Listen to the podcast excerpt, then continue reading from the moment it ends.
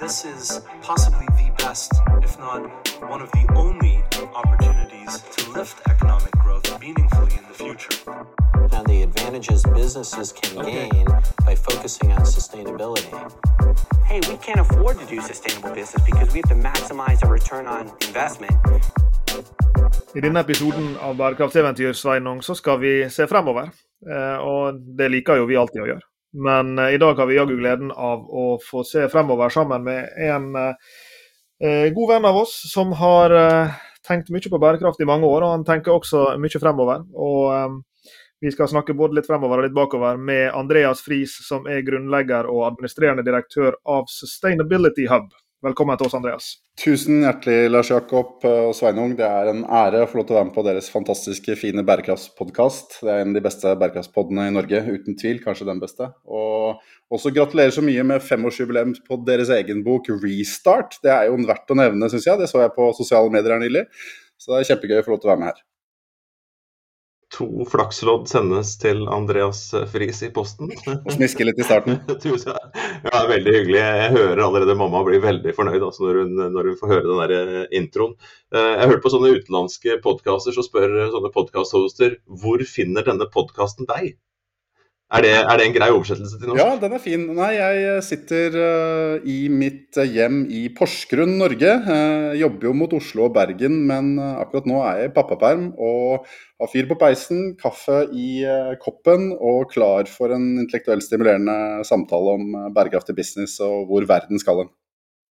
Det gleder vi oss til. Og Kanskje du kan bare begynne med, Andreas, for de av lytterne våre som kanskje ikke vet hva Sustainability Hub er. Jeg, mistenker at mange av dem vet, vet hva det er, men kanskje du gir oss eh, nugget-versjonen av eh, hva Sustainability Hub er? Eh, litt av bakgrunnen og hvor dere står nå? Det kan du gjøre. Da må jeg nesten kjapt hoppe tilbake til da jeg selv gikk på NHH tilbake i 2003-2004 som siviløkonomstudent. Tok min mastergrad der, men jeg ble opptatt av bærekraft og bærekraftige forretningsmodeller. Eh, egentlig før jeg begynte der, og også på NHH. Og begynte å jobbe med bærekraft i Canada i 2007. Men flytta hjem til Norge igjen og egentlig savna det med et mer eh, på en måte businessorientert kunnskapsmiljø for bærekraft. Og eh, etter å ha vært gründer i noen år, eh, så fikk jeg muligheten til å sette i gang et prosjekt som jeg pitcha til Siviløkonomforeningen Ekona, eh, om at de burde satse mer på bærekraft. Og det her var for litt over fem år siden. Eh, for da fantes det ikke så mye gode kunnskapsnettverk og plattformer for å diskutere bærekraftig business eh, i bedriftsverden. Da hadde CSR Norge akkurat gått under. Så da satte vi i gang Ekona Impact, som ganske fort blei til Sustainability Hub Norway. Det ble tatt ut som et separat prosjekt. Altså en non-profit forening for kunnskapsdeling innen bærekraftig business, med bedrifter som partnere. Så da ble det satt i gang for mer eller mindre fem år siden. Vi er fem år, 1.3 nå i 2022. Så det, det er et eh, spennende bærekraftsnettverk, rett og slett. Det har vært et nettverk lenge, men eh, jeg må jo si at jeg, jeg tenkte jo mest på deg da jeg hørte dette her eh, navnet. Sustainability Hub, så var det liksom du som, som sto, som sto i, i, toppen av pannebrasken min. Når jeg ser på teamet nå, så har du virkelig fått eh, bygd opp en stor gjeng rundt deg. Ja, vi har hatt en del vekst. Altså, I begynnelsen så, så var det sånn at jeg fikk med da Silja Inndal, som dere kjenner godt, og som har vært på podkasten her, og Ingrid Warner som medstiftere, så de var med de første åra. Og så har det vært en rekke veldig flinke folk med å bygge opp S-Hub fra starten av som volunteers, og, og noen de er litt uh, involvert. Eh, mens nå så er vi eh, tre og et halvt årsverk. Eh, teamet er ikke 100% oppdatert på nettsida, som nettsider flest, men vi, er, vi har vært heldige og hatt veldig mange gode ressurser. Både frivillige, men også ikke minst altså Vi samarbeider veldig tett med mange av de ledende selskapene i Norge. I praksis, da.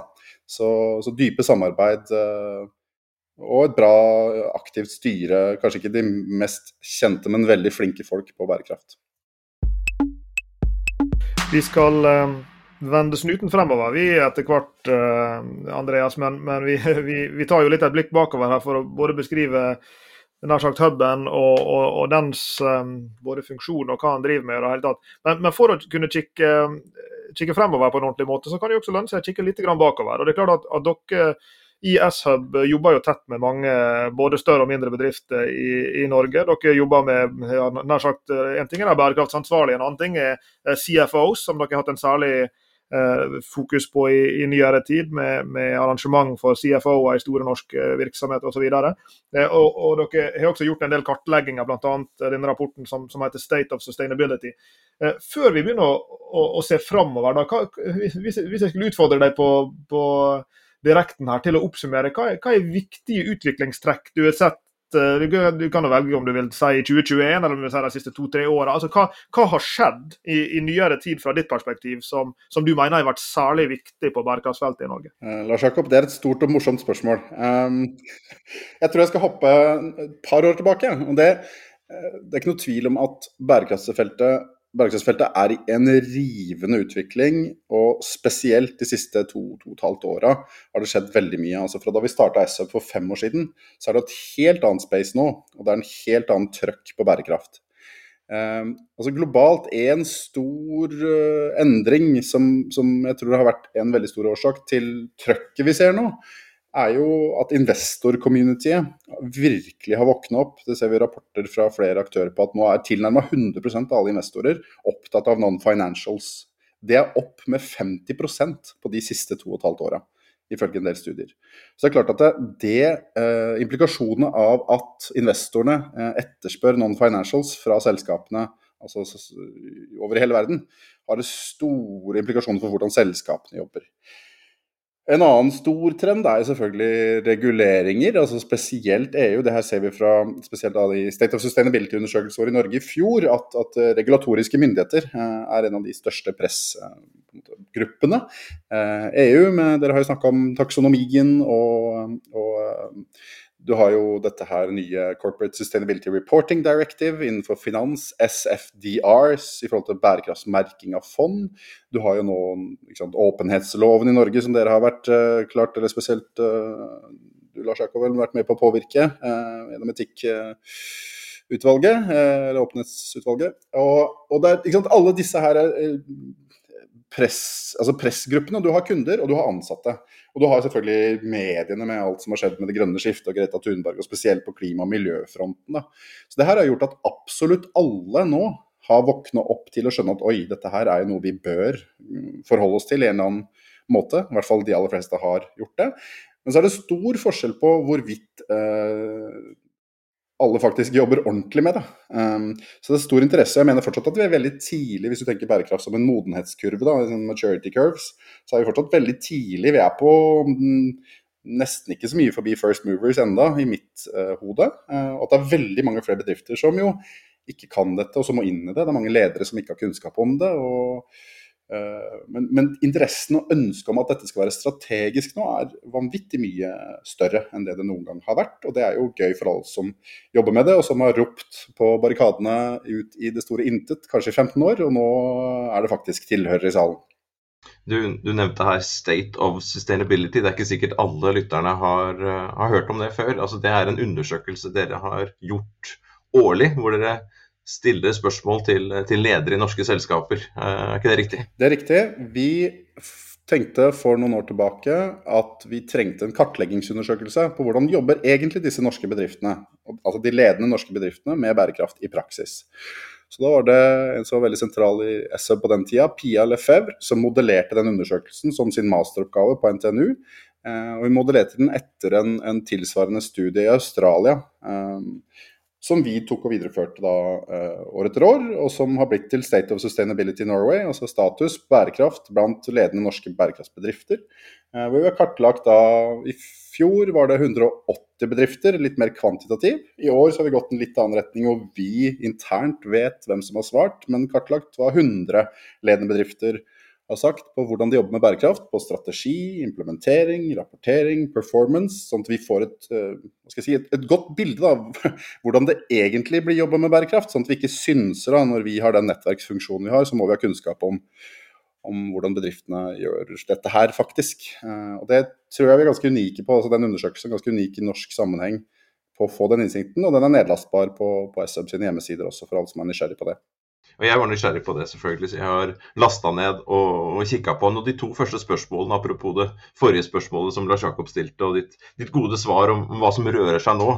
Så de to svarene på de to første spørsmålene kan jo gjøre en veldig optimistisk. Eh, hvor det første spørsmålet eh, har selskapet integrert bærekraft som en del av, av selskapets visjon, formål eller, og, og, og, kjernestrategi. Og den andre også er dette her integrert i eh, alle funksjoner i selskapet. Og svarene der det er jo sånn, det er jo liksom veldig positive, er det ikke det?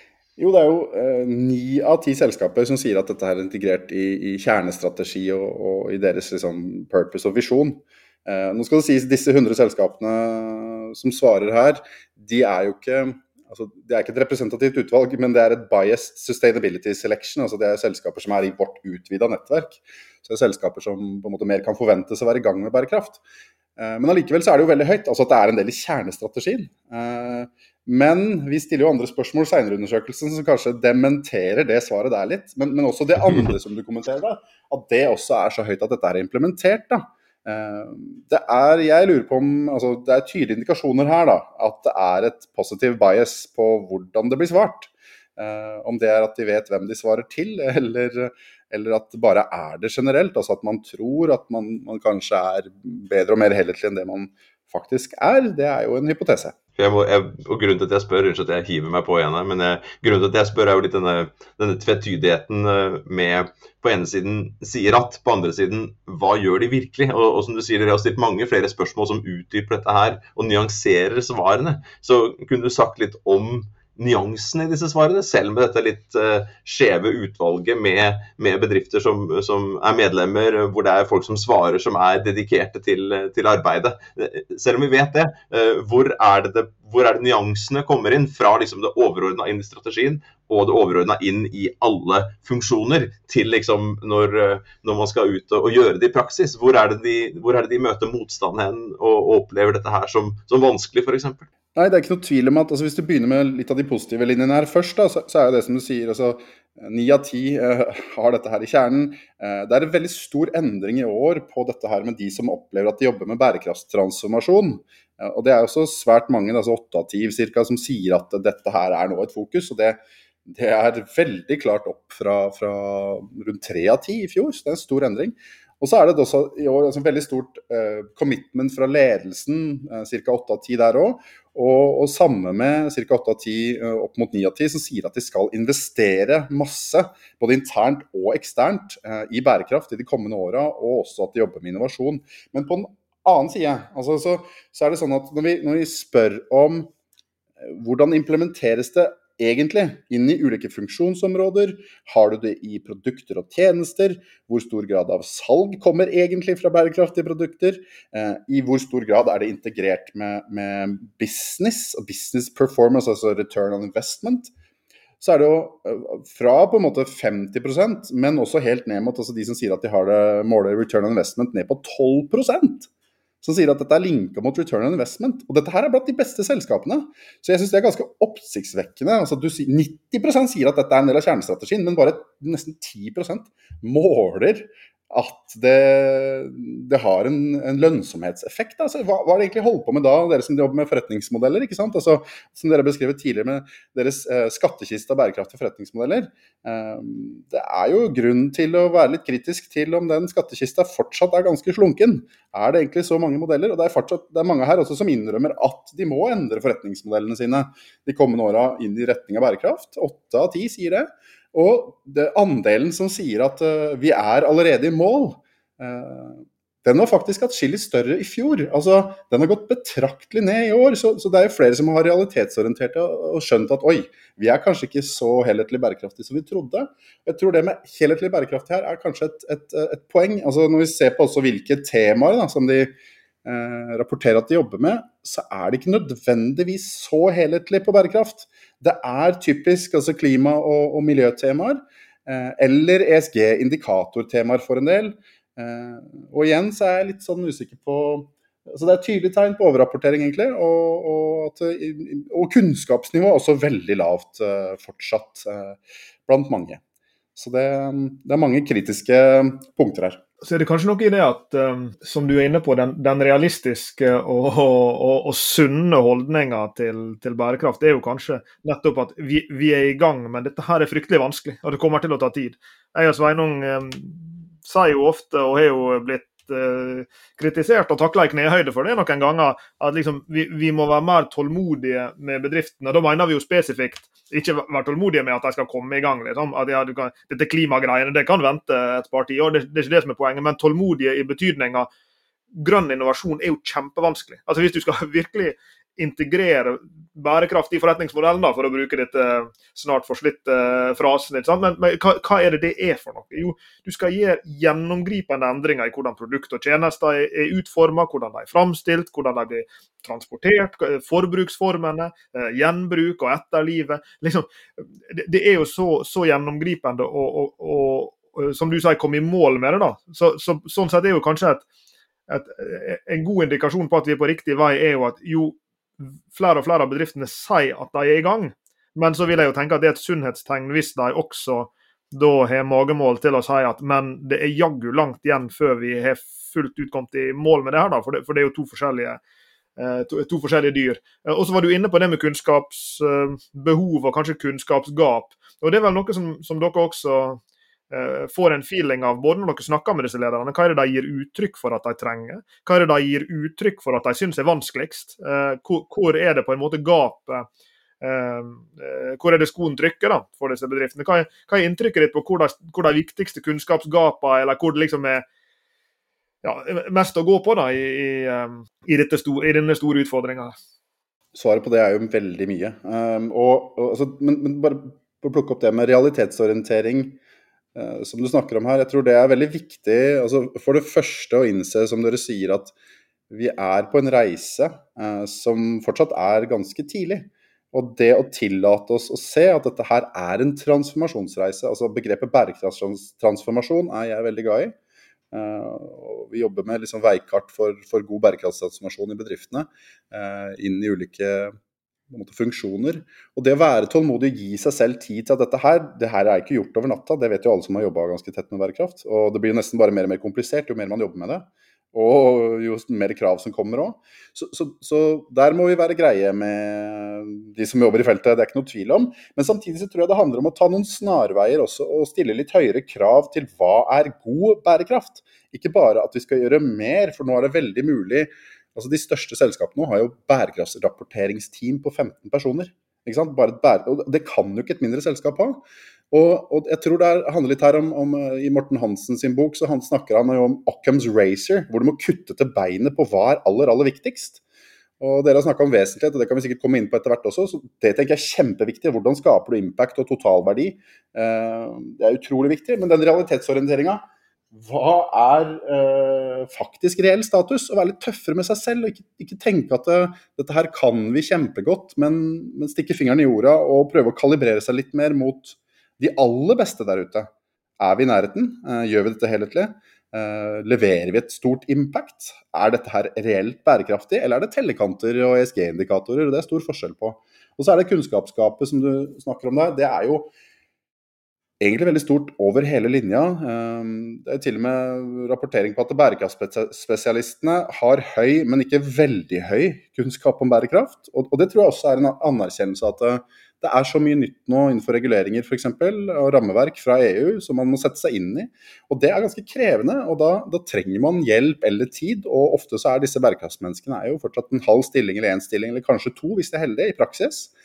Eh, og så er det også veldig tydelig at selv om det er en veldig sterk vilje, eh, ambisjoner blant ledelse og, og delvis styre, så er kunnskapsnivået der eh, altfor lavt fortsatt. Og spesielt de med veldig høy bærekraftskompetanse. Og i organisasjonene så er det ikke veldig mange som har veldig høy kunnskap om bærekraft. Så jeg syns det er noe rart når, når så mange, 90% sier at dette her er en del av identiteten vår, mens så få sier at dette her har vi svært høy kunnskap om, eller har et svært høyt fokus på i det daglige. Så, så da lurer jeg på liksom, hva slags bærekraft er det de egentlig da mener? Uh, mens, mens, her så er det jo altså, kunnskapsbehovet her. altså PwC sier at de skal ansette 100 000 mennesker innen ESG globalt innen 2025. Og kravene fra EU på dette nye rapporteringsdirektivet sier også at det er fem ganger så mange selskaper som kommer til å bli truffet av de nye rapporteringsreglene fra EU. Og det her kommer til å kreve investeringskostnader. Eh, av 1,2 milliarder blant selskapene og 3,6 milliarder altså euro i årlige kostnader. Eh, hvem er disse menneskene som skal gjøre alt dette? Og det er bare rapportering. Ikke sant? Så, hvor, dere har jo mange eh, bra executive-kurs og programmer, og det kommer en del flinke folk ut fra NHH. Men det er jo ikke i nærheten av de volumene som vi trenger. Og, og, i tillegg så har jeg litt et problem med å se altså Ofte når vi snakker om bærekraft, så snakker vi om eksternalitetene. Men vi snakker ikke så mye om businessaspektene eller internaliseringen av bærekraft inn i funksjoner i bedriftene. Og det er det vi må snakke mer om også. Vi må ikke bare snakke om plast og klima og menneskerettigheter, det er kjempeviktig selvfølgelig, men vi må også snakke om rapportering, operasjonalisering, bærekraft inn i salg, bærekraft inn i marked, bærekraft i CFO-funksjon. Skal CFO bytte navn til CVO, Chief Value Officer, i stedet? Og, og, og måle det. Altså, vi må jo måle i bærekraftsrapporten vår egentlig også en status på hvor gode er vi på implementeringen av dette. Nå måler vi økonomisk, altså vi rapporterer på, på financials, og vi rapporterer på bærekraft, men de kobler ikke de to. Og det er svært få selskaper som tar en slags temperatursjekk på hvor godt er dette implementert. Eh, er det en del av business control systems eller, eller reviews? Nei, i stor grad er det ikke det. Så, så det er noen enorme gap her på kunnskap og internalisering som jeg syns vi adresserer altfor lite. Uh, og det, det, Der har vi en funksjon med SUB, fordi at vi nettopp er opptatt av de tingene her på, på hvordan gjøres det i business, i praksis og inn i businessfaget. Uh, ikke alle bare bærekraftstemaene, for det er litt opp til selskapene hva som er de viktigste temaene for de å satse på, tenker vi da.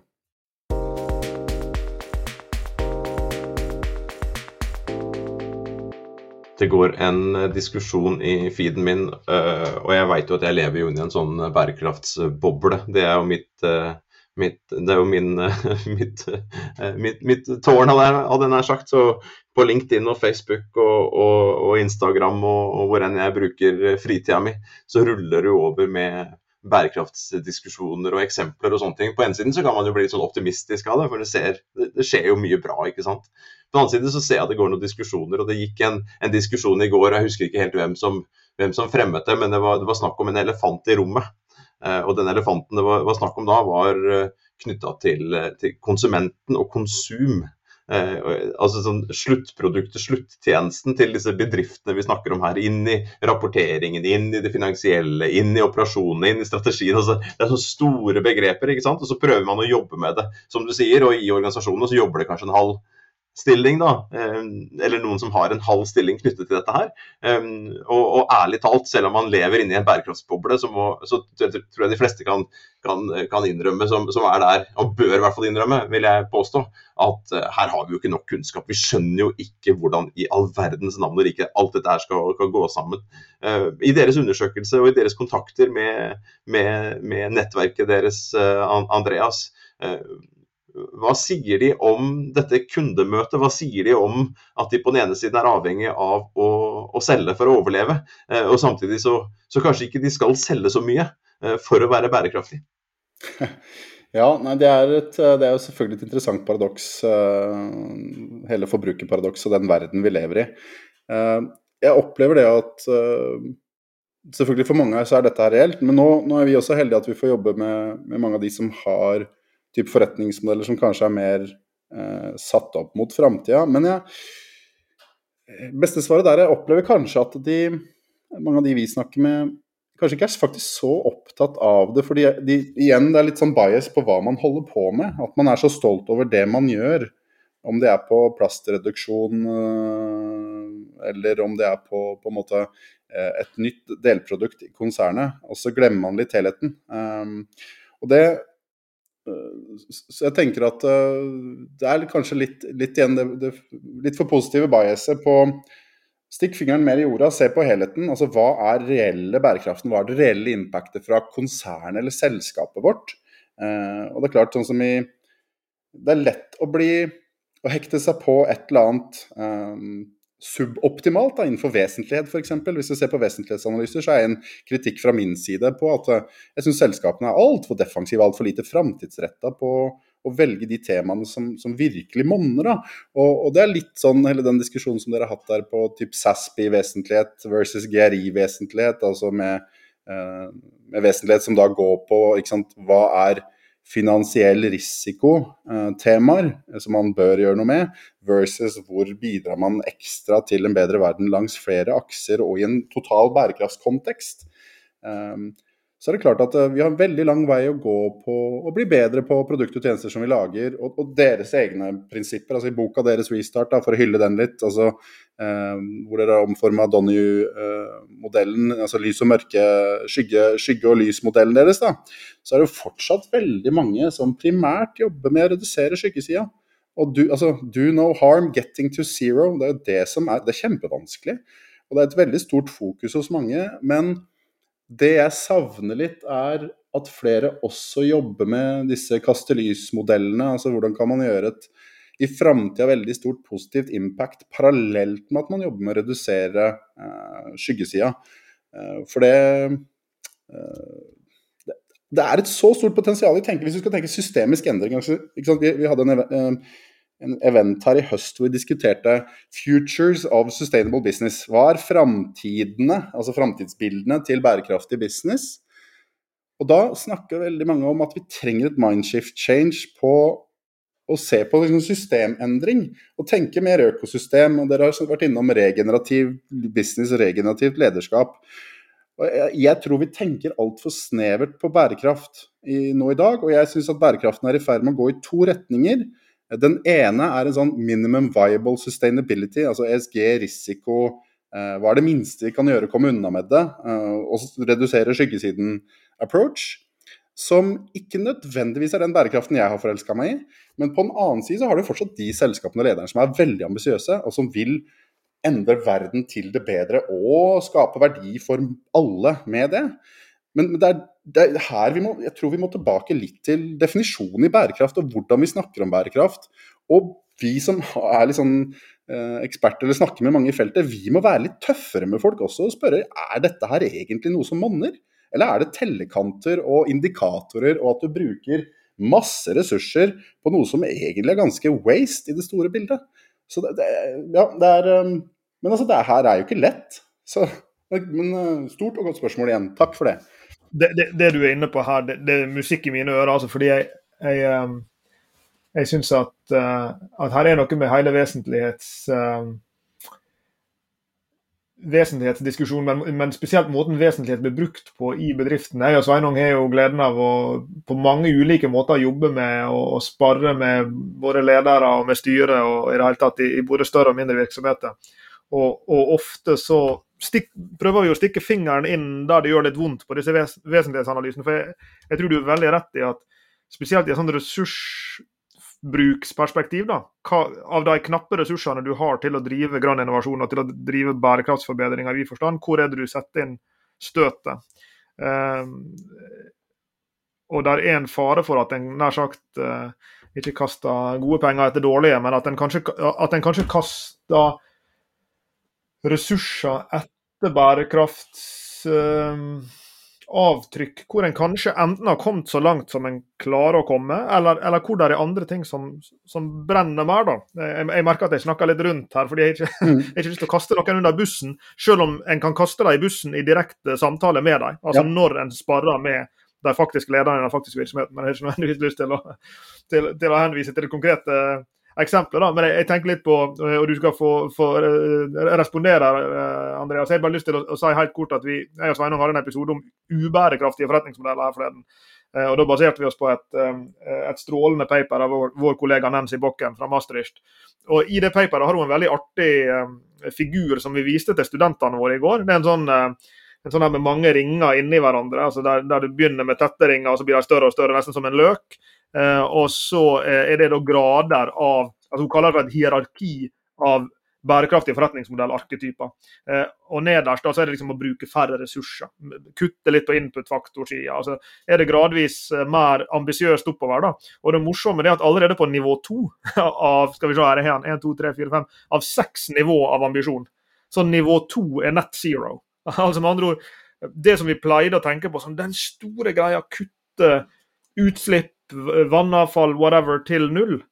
Ja, det, det, er jo nå Vi har kommet til et punkt som du var inne på, hvor hvor det er egentlig ganske uambisiøst. Det forventer nå, For den del finansmarkedet forventer at du bare skal få det til. Ja, Kutt CO2 til null. Kutt eh, avfall til null. Spørsmålet nå er hvordan bli fullt sirkulær, hvordan bli regenerativ, hvordan gå mye lengre forbi eh, disse allerede krevende tingene. For fryktelig vanskelig å komme til net zero. Så det er ikke det en, det er ikke det en sier at det ikke er vanskelig å komme seg dit. Men lista flytter seg jo hele tida mot noe enda mer um, ambisiøst.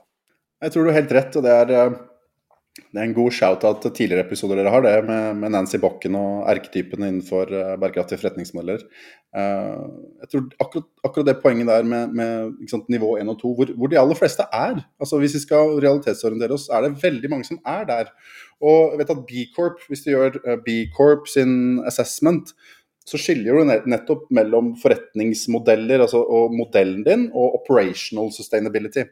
Og dette som du snakker om her, er jo en del på operational sustainability, hvor, hvor veldig mange starter det naturlig, for det er konkret, det er enkelt. Man har liksom miljøfyrtårn, eller kan sette i gang med noe klimaregnskap. altså Det er der det er lett å finne tall og, og sammenlignbarhet, da, egentlig. Så jeg tror det er veldig lett for mange. Men, men, det er der også, jeg tror, tilbake til State of Sustainability, at vi ser at jeg tror det er den type bærekraft mange tror er strategisk.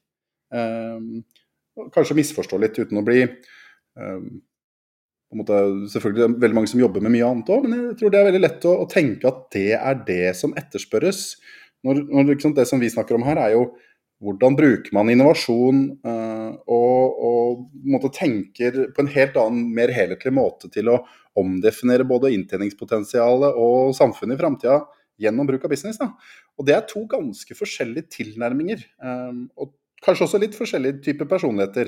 Uh, så, så, det å, men jeg tror også litt av grunnen til det, um, i hvert fall en refleksjon som jeg gjør meg i, i bærekraften i Norge, er at det har vært veldig mye fokus på uh, klima og det grønne. Og klima er jo kjempeviktig, det er ikke noe tvil om det. Men jeg savner enda litt mer hva skal jeg si, et større intellektuelt mangfold i bærekraftstematikken og debatten også et større fokus på, på det med uh, hva som skaper begeistring og altså den interne delen av hva business kan få til. For det som skaper lønnsomhet, det er ikke bare externalities og hva man fokuserer på, men det er også hvordan man gjør det, og hvor stor begeistring og tillit man klarer å skape til alle interessentene sine. Når, når, Business Roundtable og, og, USA snakker om å gå fra shareholder til stakeholder perspective. Ja, hvordan gjør man det egentlig i praksis? Det er jo å ha en forretningsmodell eller et, en ekte approach til bærekraft som er så bra at alle dine interessenter syns at det du holder på med er helt fantastisk. Altså Det er det optimale, ikke sant. Og da, da snakker man i retning av liksom, Patagonia og Interface, altså de som skikkelig begeistrer. Uh, og jeg, jeg, tenker at vi må, vi må kanskje være litt tydeligere på hva er de casene som har det absolutt beste eller kuleste eller, eller mest ambisiøse mindsettet. Og du sa ambisiøs, altså grader av ambisjon.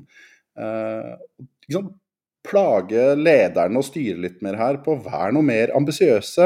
Tenk mer inn i framtida. Og hvis du spoler litt tilbake og tenker liksom, hvilke systemiske endringer som også påvirker bærekraften, har vært de største i verden de siste 20 årene så er jo ikke det de som har uh, på en måte spart litt søppel eller energi. Altså Det er jo store, nye teknologiske, disruptive ideer som påvirker hele samfunnet.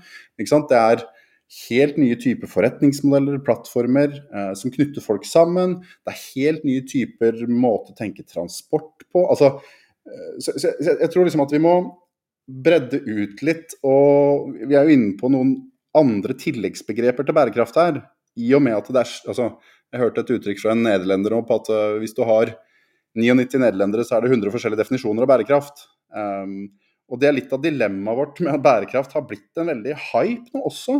Men da må vi bidra til å nyansere ulike deler innenfor bærekraften. Og hva er de mer ambisiøse delene av bærekraften, og hvilke begreper brukes der? Og hvilke rammeverk og modeller finnes. På, om det er impact, så finnes det mange modeller på som Silje har vært inne på her, additionality, intentionality og måling av outcomes. Du har eh, George Serafine på Harvard som har dette impact weighted accounts, som er en forsøk på å måle monetariseringen av impacts uh, for selskaps som helhetsportefølje. Du har professor Tonse Whelan, eh, som er deres måte, kollega som leder NYU Stern Center for Sustainable Business, hun har en modell som heter Return on Sustainable Investments, som er et spennende rammeverk for å se på både eksternaliteter og ikke minst internaliseringen av bærekraft, som er veldig kult. Du har B Corp, du har Future Fit, og du har ikke minst, som jeg er inne på her, eh, regenerativt lederskap og det som kommer da som regenerativ strategi, som jeg syns er uhyre spennende når vi snakker med businessprofessorer.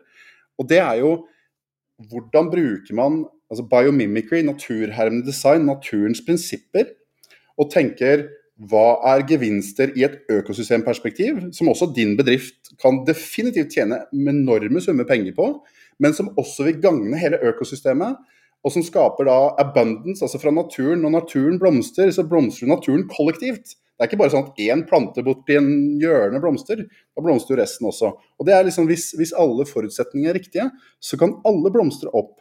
Og Det er det å ta den type design, naturdesignprinsipper inn i strategi, det tror jeg er uhyre spennende, for da tenker man litt bredere. Da er det ikke Porters five forces og spisse albuer uh, av competitive advantage. altså Da er det mye mer samarbeid. Og jeg opplever at mange av de businessmodellene altså Jeg har jo gått på NHH selv og, og tatt mye strategifag. og, og liksom, mange av de modellene som man fortsatt lærer på business school, er jo fullstendig utdaterte eh, når man ser liksom bærekraft og partnerskap og, og samarbeid. Da. Så her, her, tror jeg det er masse nytt og spennende og måter å tenke på, ikke minst også med, med multikapitaltilnærming, altså integrate reporting eh, av ulike kapitaler, og se liksom bredere på hva er verdiskapning. Ikke bare financial value, men verdi på flere kapitaler. Så, så, så Her var det noen begreper da, som, som jeg tenker at det er stikkord for hva som jeg tror kommer til å komme mer av For de som er langt framme i skoa. Det er ikke alle som er det, men de som vil være det, da.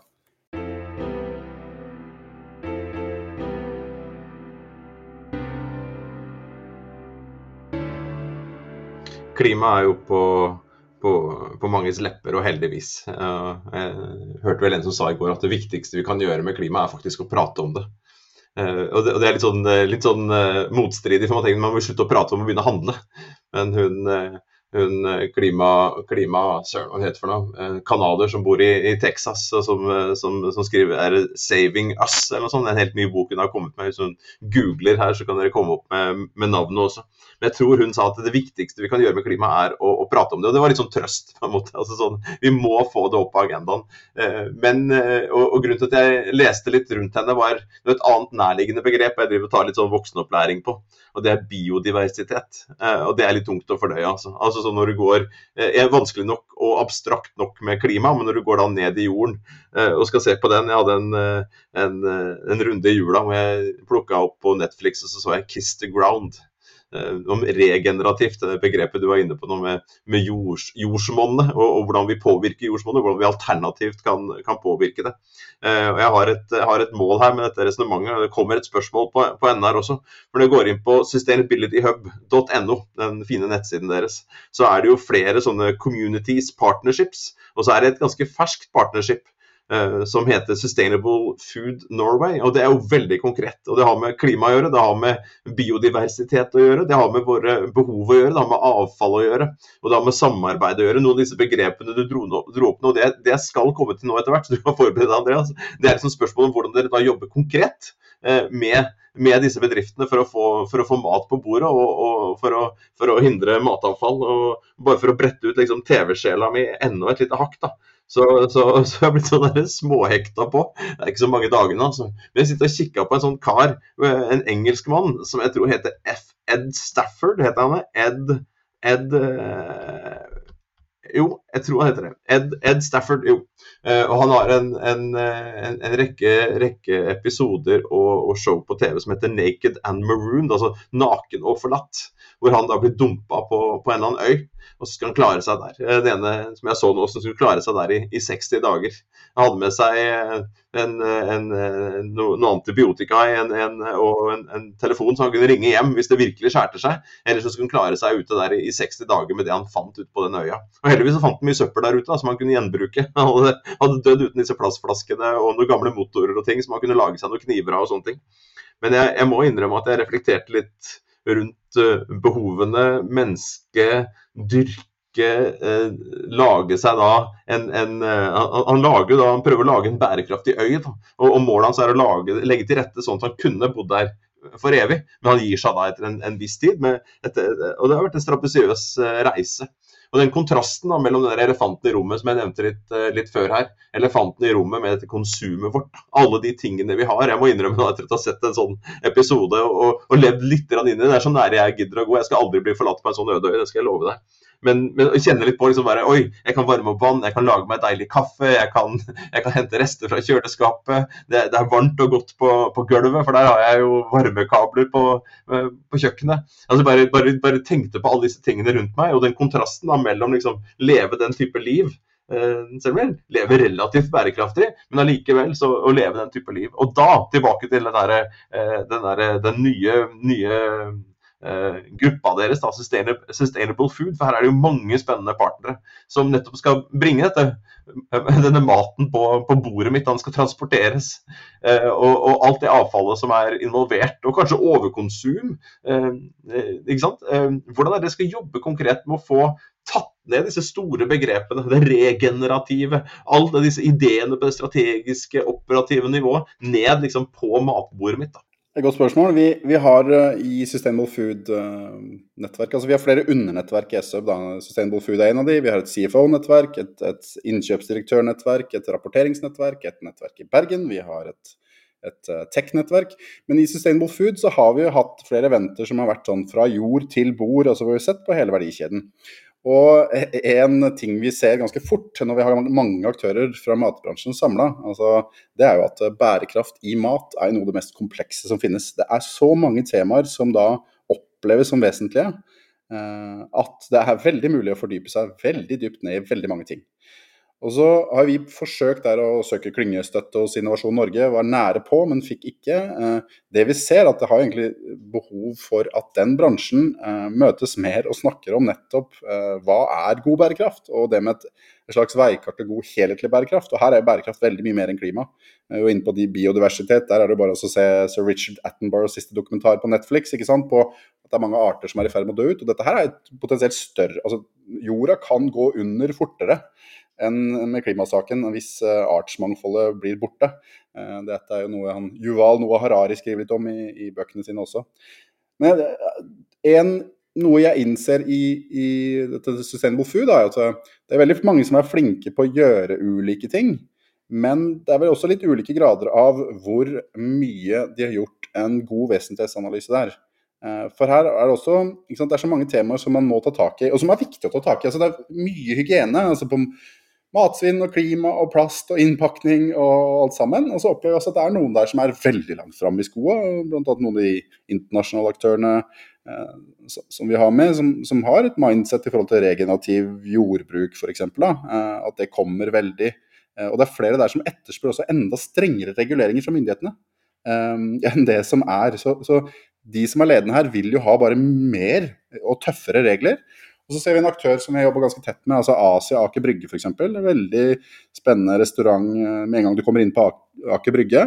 De har gjort mange grep, både på klimamerking av menyer og på, på, hvordan de jobber med avfall og takeaway-menyer. Og fått masse nye bedriftskunder basert på deres bærekraftsfokus. Og de det er et eksempel på en mellomstor aktør som har gjort veldig mye. og Da har vi fått bidratt til at de har funnet nye underleverandører. og At det er en sånn businessaspekt ved det å være et sånn type nettverk. Også at du faktisk finner mange andre kontakter som du kan gjøre business med.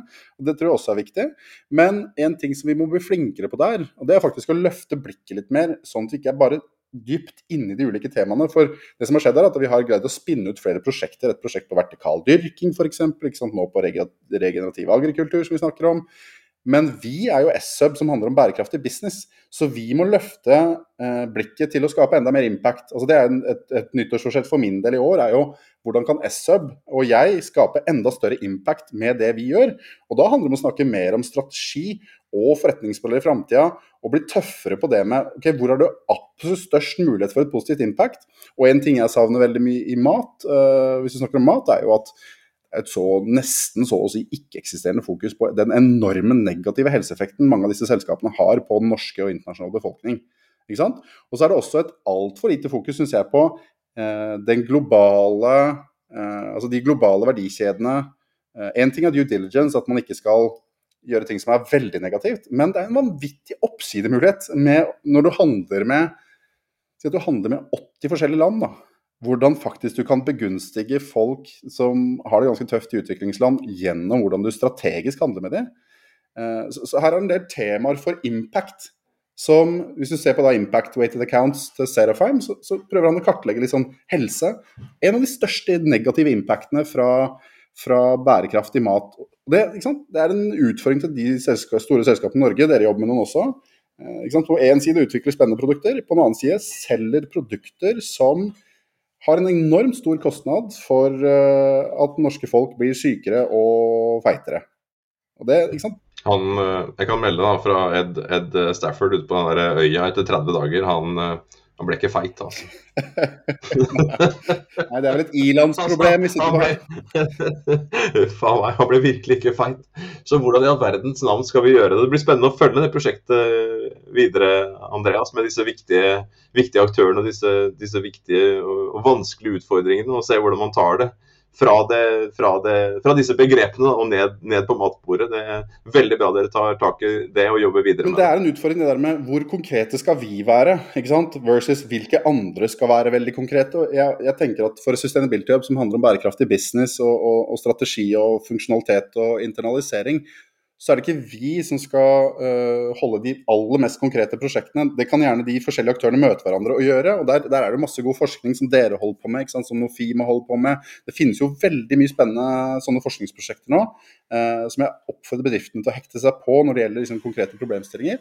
Så tenker jeg at vi i SUB må bli pusha enda mer på å levere enda mer impact på, og kollektivt med de som er våre partnere. Eh, liksom eyes on the price. Uh, spiller du fotball, da, så blir du vinner ikke Champions League ved å ha flest mulig pasninger i eget forsvar. Ikke sant? Det er litt sånn analogi. Uh, du må skåre mål.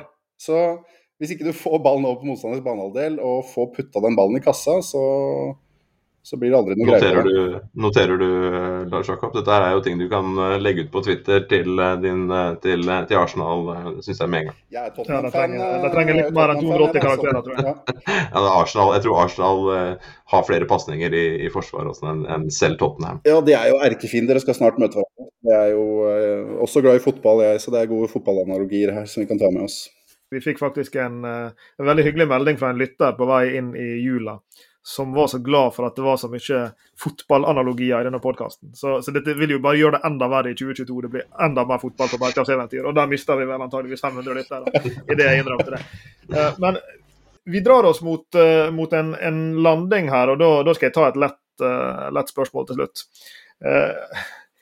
det ligger en undertone i samtalen vår her som handler om ja, et par ulike ting. Det, det ene er liksom det ambisjonsnivået vi har vært inne på mange ganger. Og, og hvordan er det liksom disse eh, selskapene, enten de er store eller små, enten de er brune eller grønne, skal, skal eh, få opp farten og øke ambisjonene og, og lykkes med disse tingene her. Så Vi snakka om dette med, med hvordan på et vis det har en finansiell drive som ligger under mye av dette. Vi snakker om CFO-en sin rolle, du, har vært inne på dette med investormarkeder og for så vidt også disse modellene til eh, Serafheim og, og, mange andre som på en måte ligger under den Vesentlighetsdiskusjonen som vi har snakka mye om i denne podkastserien. Um, Sveinung sa i stad at uh, han lever i et sosialt medie-ekkokammer som, som bærekraft-ekkokammer. Og, og, det gjelder selvfølgelig meg også, det gjelder oss alle tre. Og jeg tror vi alle tre har til felles det at vi vi kom inn i bærekraftsfeltet fra en veldig sånn personlig drive og, og, og liksom mye sånn, kall det, etisk klangbunn, da, om du vil.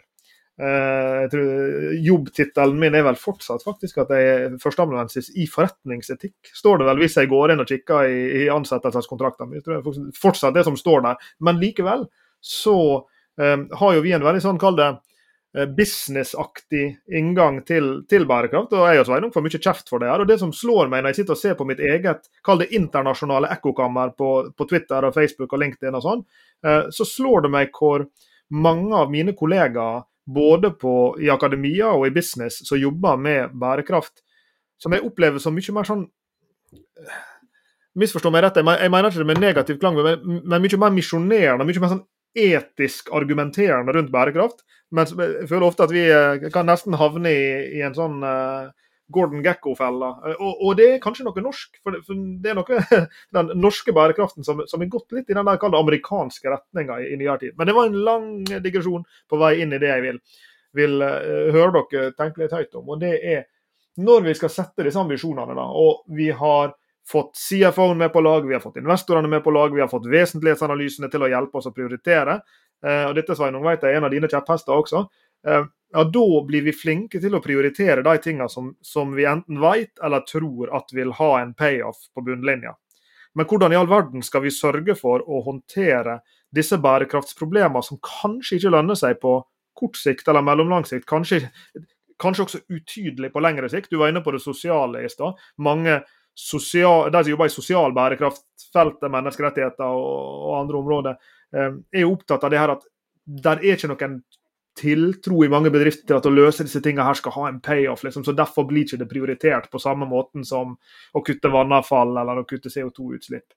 Eh, eller hva det måtte være. Så, så, her er det med andre ord en sånn balansegang-utfordring. På den ene sida skal vi bli enda flinkere til å bruke vesentlighetsanalysene, legge bærekraften på CFO-en sitt bord, bruke finansmarkedene som, som liksom katalysator og drivkraft for mer bærekraft. Samtidig så er det kanskje da noe som faller mellom sprekkene, og en del av disse tingene som vi burde håndtere fordi vi burde håndtere dem. Vi burde håndtere dem fordi at de er viktige, fordi det angår Eh, liv, helse, sikkerhet og, rettferdighet, men som kanskje ikke blir prioritert i en vesentlighetsanalyse. Hvordan i all verden skal vi føle oss trygge på at også de tingene blir prioritert fremover? Det er spennende, det er spennende spørsmål. Jeg tenker umiddelbart at her, her er det interessant å trekke, fram litt sånn uh, framtidsscenariotankegang. Fordi at da vi gjorde flere diskusjoner i, i, fjor høst, så så vi jo det at altså, Et scenario er den framtida vi skal inn i. Um, er det egentlig rom for selskaper som, som, som der har masse negative eksternaliteter? Er er det, den type bedrifter vi egentlig ønsker å ha? Det er mange bedrifter som har fått lov til det systemet vi har rigga, så er det liksom sånn er systemet. Det er sånn det er. Uh, og det er det jo. Men, men, samtidig, jeg tror det er en indikasjon at det skjer såpass mye hos myndighetene nå, EU, regulerende myndigheter, norske myndigheter, andre land, og hvis man framskriver den endringa i de reguleringene som kommer, fram til 2050 f.eks., så vil jeg anta altså Et scenario som er ganske plausibelt der, er at ja, men vi kommer til å ønske å kvitte oss med de forretningsmodellene, um, eller de, de, de type negative eksternalitetene, at det kommer til å bli kanskje regulert bort. ikke sant? Og Det er et argument for å prøve å se på okay, løsninger som som matcher den framtida bedre. Jeg vet at flere norske selskaper sitter med, med strategier og scenarioer fram mot 2050. Det er, ganske, altså det er flere norske selskaper som faktisk sitter og gjør det. Hvor dette her er vurderinger som de gjør. Hva kommer til å skje fram mot 2050? Uh, eh, og, og, da betyr jo det altså Det er jo carrot and sticks. Altså hvor, hvor mye sticks fra myndighetene tror jeg kommer til å medføre de endringene som du må gjøre. Uh, og det er vanskelig, det er ekstremt krevende, selvfølgelig er det det. Uh, og, så, tror jeg vi må tillate oss, sånn som med, med klima altså, Det er ikke nødvendigvis sånn at vi skal kutte 100% altså, Vi skal jo på en måte redde verden, men eh, vi klarer oss ikke å kutte 100% globalt totalt sett. Det, er, det, tror jeg er urealistisk å tro. Det kommer til å ta lang tid. Eh, og samme med kanskje sirkulærøkonomi og avfall og, og, og, plast og alle de problemene. Eh, men parallelt så tenker jeg også at myndighetene, bare for å gi en lite spark til myndighetene, må også tenke mer carrots på systemendringer i riktig retning. Um, nå blir vi implementert opp av EU og reglene som kommer der, og ikke minst også globalt med IFRS, altså regnskapsstandarder. Der kommer det jo standarder på børsnoterte selskaper. Men på den annen side, hvordan kan myndighetene også bidra til å insentivisere, altså sånn som man har gjort med Tesla og elbiler. Eh, juridiske bedriftsmodeller som er atskillig bedre for verden, og som skaper både verdi og impact. Så, så jeg tror at vi må Hele dette mindshift change som selv regnskapsførerne globalt nå snakker om at vi må ha, uh, hva betyr det egentlig? Og, og, hva betyr det for og Der er kompetansenivå igjen. altså res, Respekt for at jo lenger og dypere vi kommer inn i det her, jo mindre kompetanse opplever nesten at man har. Eh, men, men, respekt for at her må vi gjøre en ordentlig jobb på liksom, hva er de gode modellene? Hvordan skal, vi, hvordan skal myndighetene, offentlige myndighetene forstå helhetlig bærekraft og framtida av bærekraft? Ikke snevert tolka, men bredt tolka.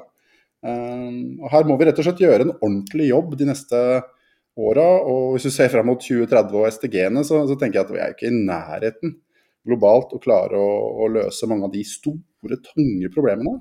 At vi må tørre å tenke mer holistisk, mer økosystem, mer regenerativt. Um, og ikke så på en måte snevert, uh, men, men, fokus på skåre mål og prøve å vinne noen trofeer. Jeg syns det er en fin, eh, fin, oppsummering og en fint eh, frempeke, Andreas. Du sa 2050 her, som om det var så lenge siden. Jeg bor på Lillehammer, og vi lever jo fremdeles på 1994. Litt sånn, kanskje litt for rask hoderegning sier vel at det er like lenge siden 1994 som det er til 2050. Eh, Jeg kan arresteres høyt og tydelig hvis dette her eh, er feil. Det virker så lenge til, men det er jaggu ikke så, så lenge til allikevel. Og som du sier, her er det nok å ta tak i. Så eh, her er det bare å brette opp de berømte armene, få skåret noen mål og så håpe at vi kan eh, bevege verden i eh, en litt bedre retning. Og, og, og, ditt og deres arbeid det er absolutt med på å bidra til det. Så tusen takk for innsatsen du gjør, og tusen takk for at du ville være med oss her i dag på, på Bærekraftseventyr. Tusen hjertelig takk for meg. Det har vært en glede og en ære. Og håper alle der ute som lytter, virkelig tar ballen og prøver å putte den i mål. Du har hørt på Bærekraftseventyr med Jørgensen og Pedersen. Send e-post til eventyr.krøllalfa.jorgensen.pedersen.no for å stille spørsmål eller komme med forslag til tema for fremtidige episoder. Og besøk jorgensenpedersen.no for mer informasjon om denne podkastserien. Derfra kan du også fortsette samtalen med oss i sosiale medier på Twitter, Facebook, LinkedIn, YouTube og andre steder.